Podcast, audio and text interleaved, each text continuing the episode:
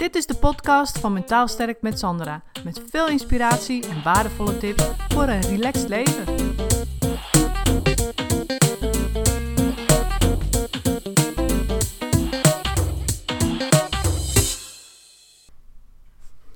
In deze podcast ga ik het hebben over waarom het toch zo moeilijk is om gelukkig te zijn. Weet je, we denken dat omdat we in de westerse wereld leven, dat eh, we veel redenen hebben om gelukkig te zijn. we hebben onderdak, we hebben goed en veel voedsel, goede ziekenhuizen, onderwijs, schoon water, je hebt een wc, financiële sociale voorzieningen, normaal gesproken de vrijheid om te reizen en de vrijheid van meningsuiting. we zouden eigenlijk blij moeten zijn dat we in Nederland in een westers land wonen. Je hebt eigenlijk geen enkele reden om je ongelukkig te voelen. Maar de feiten zeggen helaas wat anders. Dus 1 op de 10 mensen heeft een chronische depressie. 1 op de 5 mensen is af en toe depressief. 1 op de 4 is verslaafd aan iets. En 30% heeft een psychische stoornis. Maar eigenlijk heb je die statistiek helemaal niet nodig. Want loop maar eens naar buiten en vraag eens aan 100 willekeurige mensen. Is het tot nu toe jou gelukt om een leven te hebben zonder somberheid, negatieve gedachten onzekerheid, verlies of verdriet. Dan zal niemand van die honderd mensen zeggen: Ja, ik. Ja, ik, ik ben tot nu toe altijd huppelend en vrolijk, zonder enige negatieve emotie, lachend door het leven gegaan. Nee, die persoon bestaat niet. Dus hoe komt het dan toch dat we ons zo vaak ongelukkig of soms ronduit ellendig voelen? Nou, daar zijn natuurlijk een heleboel verklaringen voor te verzinnen. Maar voor deze podcast ga ik even terug naar de oertijd. Want er zijn twee redenen uit de oertijd waarom we ons makkelijk ongelukkig voelen. De eerste is, vroeger waren we alert op gevaar. Weet je, onze hersenen zijn van nature 80% negatief georiënteerd. Nou, dat was vroeger hartstikke handig. Want als er een leeuw op je afrende, dan was het handig dat je hersenen alert waren op gevaar, zodat je kon vluchten. Het was dan zeker niet handig om aan de mooie bloemetjes te blijven ruiken. Dus als je op gevaar lette, was je overlevingskans simpelweg groter. Maar tegenwoordig zijn natuurlijk geen dagelijkse gevaren meer, zoals roofdieren. Maar onze hersenen zijn nog steeds wel georiënteerd op dat gevaar. Of op gevaar überhaupt. Je hebt nou eenmaal een angstcentrum in je hersenen. Dus richten onze hersenen zich nu vooral op hedendaagse gevaren, zoals angst voor afwijzing, angst voor de verlies van je baan, relatieproblemen, overgewicht, rekeningen niet kunnen betalen, verlies van dierbaren, zorgen om anderen, etc. En dan kom ik ook op de tweede reden waarom we ons makkelijk ongelukkig voelen. Die komt ook uit de oertijd. Want zonder bescherming van de stam was je vroeger een makkelijke prooi voor roofdieren. En dat mechanisme zit nu ook nog in onze hersenen. We zijn namelijk bang voor afwijzing, omdat bij de groep horen enorm belangrijk is om te kunnen overleven. Dus wat gaan we doen om erbij te horen? Je gaat jezelf vergelijken met anderen. Uit angst voor afwijzing. Pas ik er wel bij? Doe ik niets verkeerd? Ben ik even goed als de anderen? Je gaat jezelf dus aanpassen aan anderen om erbij te horen. Maar vroeger gold ook hoe meer eten en hoe beter onderdak je had, hoe beter je af was. dus hoe meer spullen je had, ook hoe beter je af was. Als jij uh, tien huiden had, dan had je het warmer dan iemand die geen huiden had. Snap je? Dus daarom denken we nu ook nog steeds: meer is beter. Waardoor we bijvoorbeeld veel spullen gaan verzamelen. En tegenwoordig in de huidige maatschappij is het ook heel makkelijk om heel goedkoop veel spullen te verzamelen. Dus ga maar naar de Action, je kan veel spullen verzamelen. Alleen vroeger had dat een functie. Nu heeft het geen functie. Nu is het alleen maar overlast. En heb je er gewoon last van, want je huis staat vol rotzooi. Op een gegeven moment weet je niet meer wat je ermee aan moet. Maar er zijn nog meer redenen te bedenken waarom gelukkig zijn in deze tijd ontzettend moeilijk is. Dat heeft natuurlijk ook te maken met de fabeltjes die er in de maatschappij rond waren eigenlijk. En één zo'n fabeltje is: gelukkig zijn is normaal. Weet je, we denken al gauw dat als je stress hebt, angstig, onzeker of somber bent, dat je zwak bent. Dat er geestelijk iets mis met je is. Maar laten we eerlijk zijn: het is abnormaler om psychisch gezond te zijn. Denk maar eens aan die 100 mensen. Wie daarvan is altijd 100% volmaakt gelukkig gedurende zijn leven? Dat is niemand. Dus we hebben gewoon te maken met dat oerbrein die makkelijk negatief denkt, die helemaal ook niet ontworpen is om gelukkig te zijn. En dat oerbrein heeft iedereen. Maar we denken door alle boodschappen in de maatschappij dat gelukkig zijn door normaal is. Maar dat is natuurlijk een fabeltje. En er is nog een fabeltje over gelukkig zijn, namelijk dat je eerst van negatieve gevoelens af moet zijn om gelukkig te zijn. Dus we leren dat we vooral positief moeten zijn en dat er geen ruimte mag zijn voor negatieve gevoelens. Maar hoe realistisch is dat?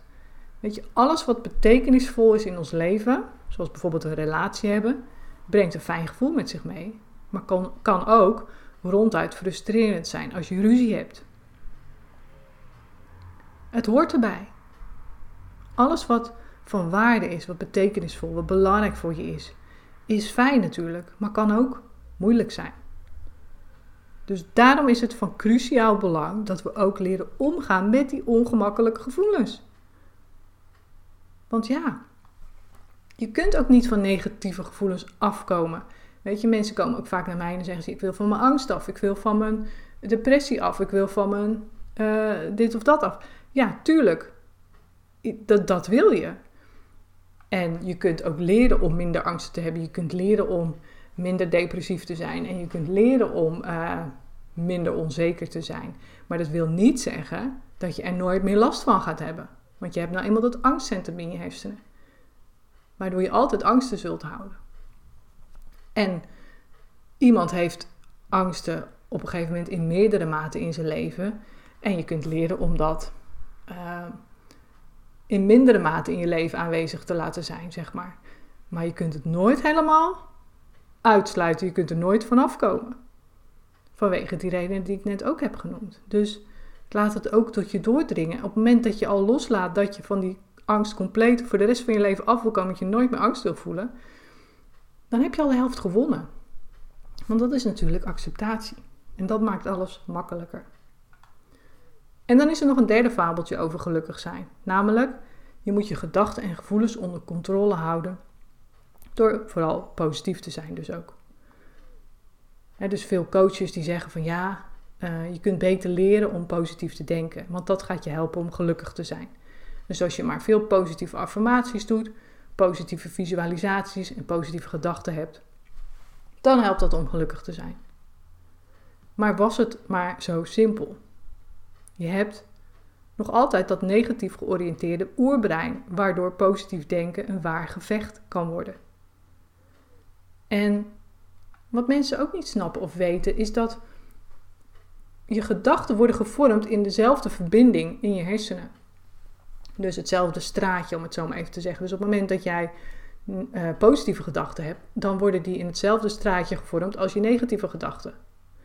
Dus kun je verwachten dat je heel snel een negatieve gedachte tegenkomt. Want het zit in hetzelfde straatje. Het zijn geen twee aparte straatjes in je hoofd waarvan je de negatieve kan uitschakelen en de andere, de positieve, kan aanzetten. Daarom werken positieve affirmaties ook altijd maar even. Of positieve gedachten. Het kan best helpen, maar het helpt maar even. Want je zit in hetzelfde straatje als die negatieve gedachte en er komt altijd weer een negatieve gedachte voorbij. En als je niet boos, bedroefd of overstuur mag zijn van jezelf, dan kun je er juist stress van hebben. Weet je, je kunt best positieve gedachten hebben, maar vooral als je kalm bent, is dat makkelijk. Zodra je stress hebt of je bent vermoeid, liggen negatieve gedachten direct op de loer. Die slaan gewoon meteen bam toe. ik merk het ook als ik moe ben, ga ik gewoon negatief denken. Ga ik hele rare negatieve gedachten heb ik dan. Denk oh ja, ik ben moe. Weet je, dat komt daardoor. Dus dat is gewoon eigenlijk een gegeven, het is een feit. En nu vraag je misschien af, wat is gelukkig zijn dan wel? Nou, geluk is een goed gevoel hebben. Weet je, je kent het wel als je ergens staat, je staat te genieten. En dan voel je zo'n kriebel door je buik of ja, een fijn gevoel door je lijf stromen, zoiets, weet je. Maar ook daar zit een valkuil, want de valkuil is hoe meer je probeert alleen geluksgevoelens te hebben, des te angstiger en depressiever voel je je als, je als het allemaal niet lukt. Weet je, natuurlijk wil je je goed voelen. Maar als je daarbij wanhopig negatieve gevoelens zoals schuldgevoel, afwijzing, conflict en pijn probeert te vermijden, hoe meer gelukkig zijn gedoemd is te mislukken. Nou, denk je, Sandra, dat is toch helemaal geen positief verhaal wat je hier vertelt? Nee, maar het is wel realistisch. Wat je beter kunt doen, is je richten op het leven van een waardevol leven, waarin jij dingen doet die betekenisvol voor jou zijn. Door doelen te stellen die gekoppeld zijn aan je waarden. Dus als je het belangrijk vindt om bij te leren, dan stel je als doel naar de les gaan. Als uh, plezier maken een waarde voor jou is, dan stel je als doel een uitje met je vriendinnen. Of als je creatief zijn belangrijk vindt, houd je bezig met een leuke hobby. Weet je, dat is waar je je veel beter op kunt richten dan krampachtig, positief of gelukkig te moeten zijn. Want als je dingen doet die betekenisvol voor jou zijn, die van waarde voor jou zijn, dan haal je daar sowieso meer energie uit dan het vechten ja, voor geluk, om het zo maar even te zeggen.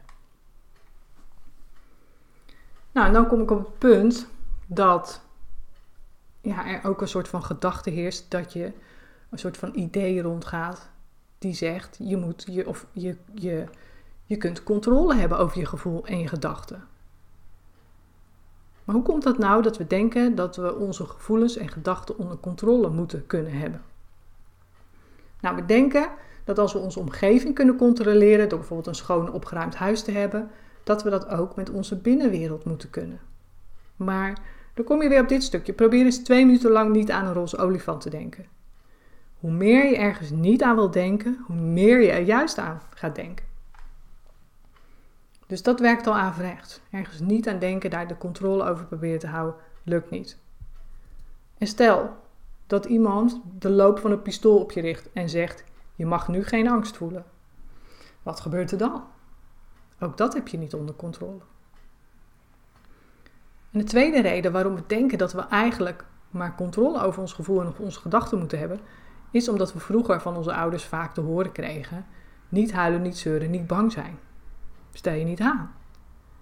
Dus we denken dat we die gevoelens maar moeten kunnen uitschakelen.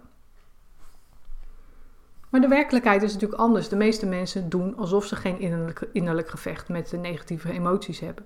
Ze verbergen dit achter een masker van alles gaat goed en dit masker houdt dus de schijn van controle op. En daarom denken we dat anderen het wel kunnen en wij niet. Dus daar hebben we mee te maken. Dus ja, wat kun je doen? Acceptatie van moeilijke gevoelens, je richten op een betekenisvol, waardevol leven voor jezelf uh, leiden en daar doelen aan te stellen, te koppelen. En daarbij je negatieve emoties en gevoelens en negatieve gedachten meenemen. Nou, als jij wil weten hoe je dat precies kunt doen, kijk dan even op www.mentaalsterkmetsandra.nl. Of als je zegt, nou dit was een waardevolle podcast, deel hem eventjes met iemand waarvan jij denkt, die heeft er ook wat aan. Dan wens ik je verder een hele fijne dag. Doei doei!